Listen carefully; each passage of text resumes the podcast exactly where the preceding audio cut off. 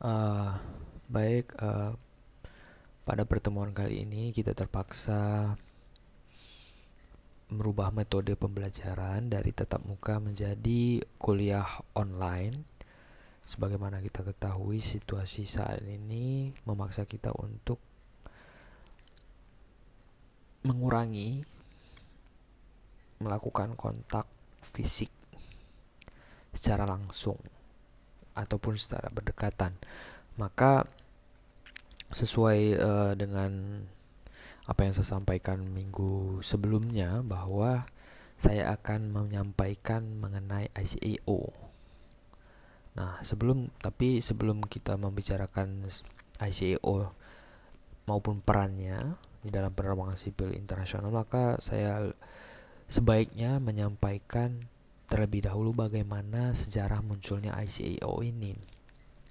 Nah, ICAO ini kemudian tidak bisa dipisahkan dengan The Chicago Convention. Sebagaimana kita sudah bahas minggu-minggu sebelumnya bahwa di, The Chicago Convention ini selain menjadi aturan tentang penerbangan sipil, dia juga menjadi instrumen dasar daripada ICAO ini. Nah, munculnya ICAO itu tidak terlepas dari peran the founding members yang kemudian sepakat untuk menandatangani The Chicago Convention pada tanggal 7 Desember 1944. Lahirnya The Chicago Convention ini juga sebagai ditetapkan sebagai Hari Penerbangan Sipil Dunia. Uh, adapun sifat daripada uh, konvensi Chicago ini adalah memiliki dia bersifat standar dan recommended practice yang artinya adalah peraturan yang merupakan keharusan atau mandatory. Jadi konvensi Chicago ini merupakan sebuah keharusan. Di sisi lain dia juga bersifat recommended atau rekomendasi. Jadi isi daripada konvensi Chicago itu adalah keharusan dan ada juga yang bersifat rekomendasi. Nah, ICAO ini dibentuk sebagai salah satu badan PBB yang kegiatan itu menyiapkan peraturan penerbangan sipil internasional. Namun uh, sebelum I, ICAO ini terbentuk, maka konvensi Chicago sebagai cikal bakalnya tadi sebelumnya uh, harus melahirkan terlebih dahulu panitia persiapan pembentukan ICAO atau yang dikenal, dikenal dengan Professional Civil Aviation Organization yang dibentuk pada uh, tanggal 6 Juni 1945 di Montreal, Kanada.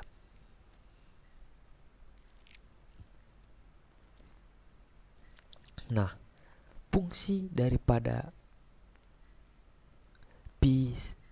PICAO ini sampai pada 4 April 1947. Nah, tadi saya sampaikan bahwa ICAO ini memang diproyeksikan untuk menjadi badan PBB. Nah, dia kemudian menjadi badan PBB itu pada tanggal 13 Mei 1947.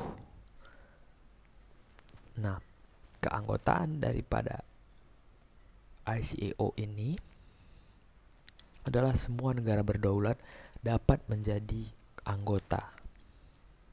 Nah, kepentingan dan tujuan daripada dibentuknya ICAO ini adalah pada aspek keamanan dan keselamatan menjamin efisiensi dan keteraturan. Nah, ini merupakan tujuan terbentuknya uh, maksud maupun tujuan terbentuknya ICAO Nah, sampai saat ini ada sekitar tujuh kantor wilayah yang tersebar di seluruh wilayah yang ada di dunia. Kantor perwakilan ICO pertama itu ada di Meksiko, kemudian kota Lima di Peru, kemudian Paris, Dakar di Senegal, Kairo di Mesir, Nairobi Kenya dan Bangkok Thailand. Nah, jadi kita akan membahas bagaimana ICAO itu di dalam hukum internasional. Di dalam konteks hukum internasional, ICAO itu merupakan sebuah organisasi internasional yang permanen. Artinya organisasi yang didirikan untuk jangka waktu yang ter ter tak terbatas. Jadi, sepanjang penerbangan di udara masih dilakukan oleh negara-negara, maka ICAO akan tetap ada sebagai standarisasi penerbangan sipil. Nah, ICAO ini merupakan organisasi publik yang didirikan atau anggotanya adalah pemerintah atau intergovernmental. Nah, organisasi ICAO ini dapat dikatakan telah memenuhi syarat-syarat sebagaimana ditentukan untuk dapat dikategorikan sebagai organisasi internasional. Yang pertama, organisasi ICAO ini didirikan berdasarkan perjanjian internasional jelas kita semua sudah tahu instrumen das apa namanya instrumen dasar yang membentuk ICAO ini adalah di Konvensi Chicago. Kemudian yang kedua organisasi ICAO mempunyai alat perlengkapan atau organ. Nanti akan kita bahas juga organ ataupun kelengkapan-kelengkapan ICAO dalam menjalankan tugasnya. Nah, itu juga bisa dilihat di pasal 43 Konvensi Chicago organ yang paling tinggi di dalam uh, ICAO ini.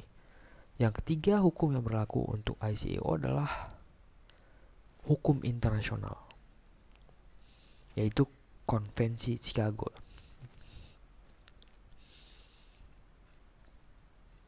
Kemudian selanjutnya akan kita bahas mengenai uh, tujuan daripada ICAO ini Uh, sebelumnya sudah pada pertemuan-pertemuan sebelum sudah kita jelaskan juga bahwa uh, eh, ICAO ini bagaimana dia akan membantu untuk menciptakan dan apa namanya mempermudah persahabatan saling pemahaman antara orang-orang ataupun masyarakat di seluruh dunia. Kemudian yang kedua uh, internet penerbangan sipil internasional itu akan dibangun se uh, senyaman mungkin dan dalam uh, aturan yang baik gitu. Kemudian jasa daripada transportasi udara uh, bagaimana dapat dijangkau oleh semua masyarakat yang dioperasikan dengan apa namanya ekonomi atau terjangkau secara ekonomi sehingga dia bisa membuka kesempatan bagi semua masyarakat internasional untuk menggunakannya. Nah, untuk mencapai tujuan-tujuan ini apa yang akan dilakukan ICAO? Misinya yaitu sebagai pelayan forum global penerbangan sipil internasional, ICAO akan mengembangkan kebijakan dan standar, melaksanakan audit kepatuhan, melakukan studi analisis, memberikan bantuan dan membangun kapasitas Sitas penerbangan melalui banyak kegiatan dan kerjasama negara-negara anggota maupun pemangku kepentingan. Nah, jadi nilai yang ditawarkan oleh ICAO dalam merealisasikan tujuannya adalah dengan ICAO Strategic Objective, yaitu sebuah forum global antar negara anggota dan ICAO untuk menyusun standar dan rekomendasi untuk pengembangan badan penerbangan sipil internasional jadi uh, eh, ICAO akan selalu berkoordinasi dengan negara-negara anggota untuk menetapkan atau memperbaharui standar penerbangan sipil yang berlaku demi tercapainya tujuan yang dicita-citakan. Nah, sampai saat ini kita ketahui tadi bahwa setiap negara yang berdaulat yang telah menjadi anggota PBB bisa menjadi anggota ICAO. Jadi tidak mesti anggota PBB itu adalah anggota ICAO. Cuman anggota ICAO itu sudah pasti merupakan anggota PBB. Karena kalau kita lihat uh, syarat daripada keanggotaan ICAO bisa dilihat dari pasal 91 pasal 91 menjelaskan bahwa uh, syaratnya yang pertama adalah negara harus tunduk atau meratifikasi konvensi Chicago sebagai peraturan dasar masing-masing negara anggota. Jadi dia harus mengikatkan diri mengikatkan diri terlebih dahulu kepada konvensi Chicago. Nah, kemudian uh, pasal 92 juga mengatur tentang keanggotaan yaitu bagaimana kepatuhan terbuka oleh anggota Persikatan Bangsa-Bangsa dan negara-negara terkait dengan uh, Perserikatan Bangsa-Bangsa. Kemudian pasal 93 artinya keanggotaan berdasarkan pendudukan diri. Diatur dalam pasal 3 itu semua negara anggota PBB atau negara organisasi di bawah lingkup PBB dan negara-negara netral pelang dunia dapat menundukkan diri. Jadi dia bisa menundukkan diri terhadap konvensi Chicago maupun ICAO. Nah, prinsip dalam keanggotaan ini adalah prinsip universal. Artinya semua negara bisa menjadi anggota daripada ICAO.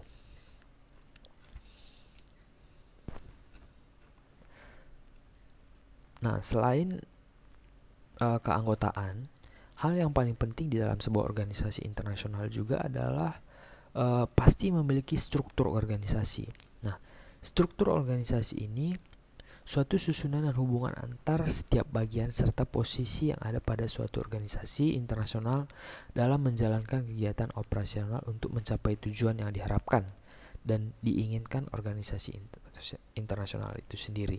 Jadi kalau kita lihat pengertian daripada struktur organisasi maka ICO memiliki empat organ yang tadi saya sudah jelaskan di depan bahwa ICO ini memiliki organ yang mana dia memiliki fungsi masing-masing yang saling berkaitan, yang saling mendukung untuk kemudian bekerja demi tercapainya cita-cita daripada ICO ini.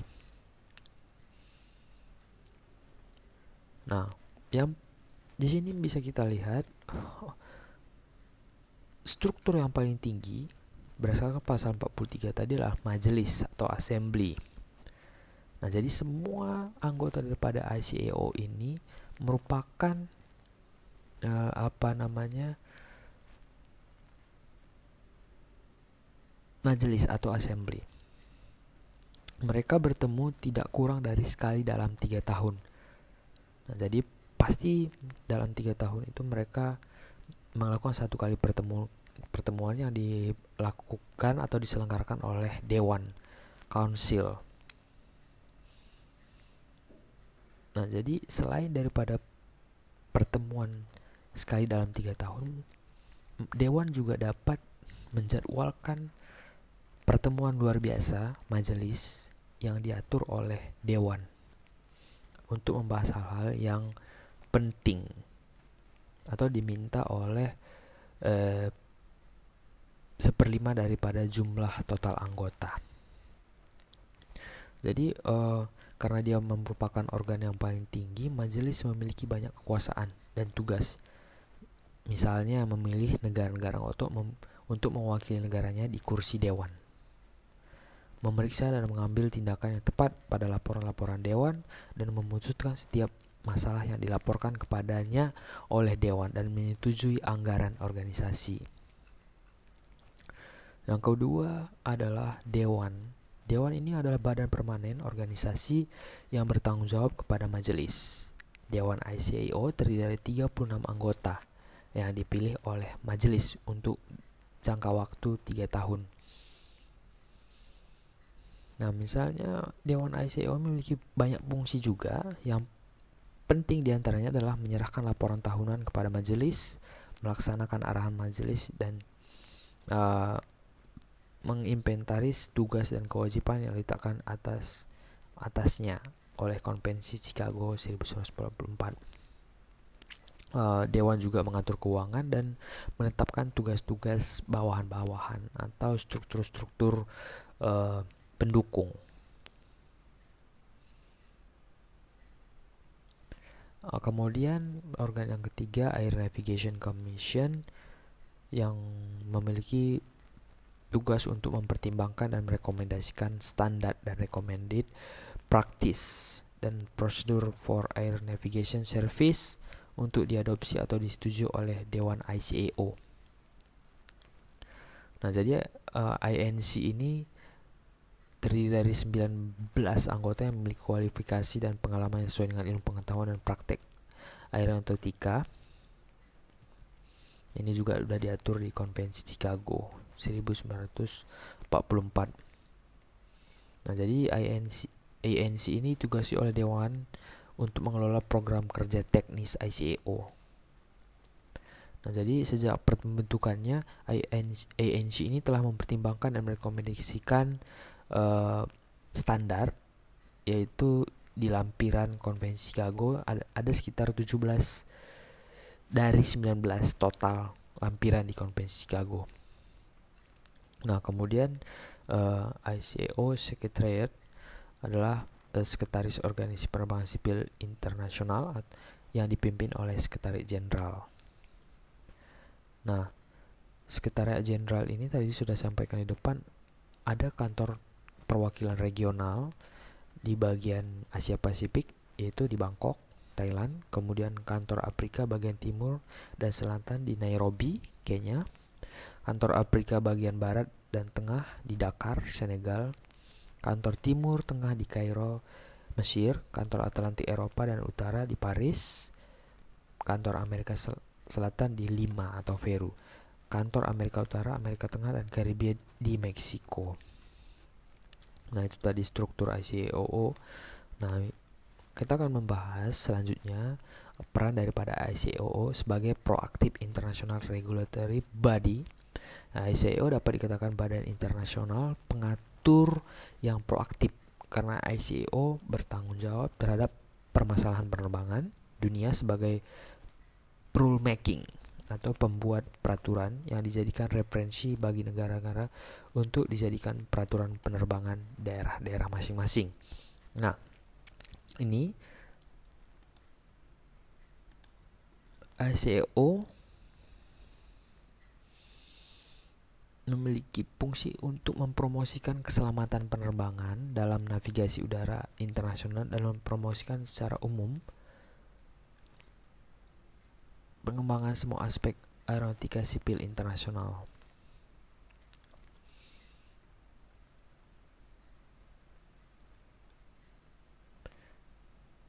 Nah, ICAO mengeluarkan beberapa aturan untuk menjaga keamanan serta keselamatan sebuah penerbangan juga bandar udara sipil dari tindakan melawan hukum. Nah, jadi ICAO memiliki hierarki peraturan yang terdiri dari lima aturan mayor. Pertama, negara-negara anggota mengimplementasikan peraturan khususnya bersifat standar atau mandatory. Kedua, sejumlah konvensi wajib diratifikasi dan dikonversikan ke dalam regulasi internal atau hukum nasional tiap-tiap negara dalam bentuk undang-undang ataupun peraturan perundang-undangan lainnya yang disesuaikan dengan keterkaitan aturan yang berlaku. Ketiga, sebagai penerapan peraturan internasional, peraturan dibuat oleh negara anggota minimum standar dengan ICAO. Nah, jadi peraturan-peraturan nasional itu harus mengacu pada ICAO atau melebihi atau lebih ketat. Jadi tidak boleh di, lebih lemah daripada standar ICAO. Yang keempat, ya setiap negara anggota wajib melaporkan peraturan produk negaranya dan implementasinya kepada ICAO. Nah, kemudian peraturan produk ICAO bersifat universal, berlaku bagi semua, gitu. Nah, kemudian uh, ada pengawasan pelaksanaan standar ICAO bisa kita lihat di dalam pasal 37 dengan jelas dikatakan bahwa untuk meningkatkan keamanan keselamatan penerbangan negara-negara peserta konvensi harus berupaya mengelola penerbangan sipil.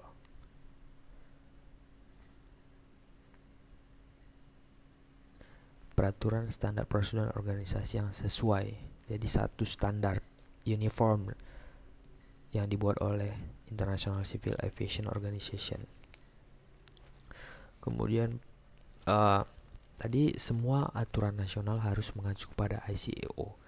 Namun dapat ada peraturan pengecualian. Nah, misalnya bila negara tidak bisa mematuhi atau melaksanakan pasal-pasal tertentu di dalam aneks atau lampiran konvensi Chicago yang ditentukan oleh ICAO, negara tertentu harus segera memberitahu ICAO untuk kemudian diumumkan di lampiran. Itu sesuai dengan amanat pasal 38 konvensi Chicago. Nah, demikian juga bila ada perubahan aturan amandemen uh, lampiran yang tidak dipatuhi oleh negara, maka negara tersebut harus memberitahu ICAO dalam kurun waktu 60 hari setelah pemberlakuan perubahan tersebut. Nah, jadi uh, harus saling mengkoordinasikan negara anggota dan ICAO. Nah, apabila suatu negara tidak pernah mengirim perbedaan uh, pandangan kepada ICAO, maka berarti negara tersebut harus mematuhi semua standar yang dibuat ICAO. Nah, Indonesia misalnya termasuk negara yang tidak pernah mengirim nota perbedaan kepada ICAO. Nah, ini berarti Indonesia harus mematuhi semua standar yang telah ditetapkan ICAO. Nah, jadi uh, kesimpulannya bahwa ICAO sebagai organisasi penerbangan sipil internasional mempunyai peran yang sangat signifikan bagi perkembangan penerbangan sipil internasional, terutama di bidang bantuan teknik, Bantuan tersebut berupa tenaga ahli di bidang penerbangan, peralatan pendidikan, penerbangan maupun peralatan navigasi penerbangan. Jadi ICAO menetapkan standar dan prosedur yang ketat bagi keamanan penerbangan di dunia yang tertuang dalam The Convention on International Civil Aviation Annex 1 sampai 18 mengingat masalah transportasi udara adalah masalah krusial Nah, ini mungkin materi yang dapat saya sampaikan pada uh, pertemuan online ini. Nanti di bagian forum diskusi saya akan memberikan sebuah isu untuk kemudian kita diskusikan. Nanti teman-teman uh, saya harap bisa aktif untuk merespon atau memberikan feedback ter terhadap isu yang saya sampaikan. Nah, mungkin demikian dulu dari saya. Kita lanjutkan di forum diskusi. Terima kasih.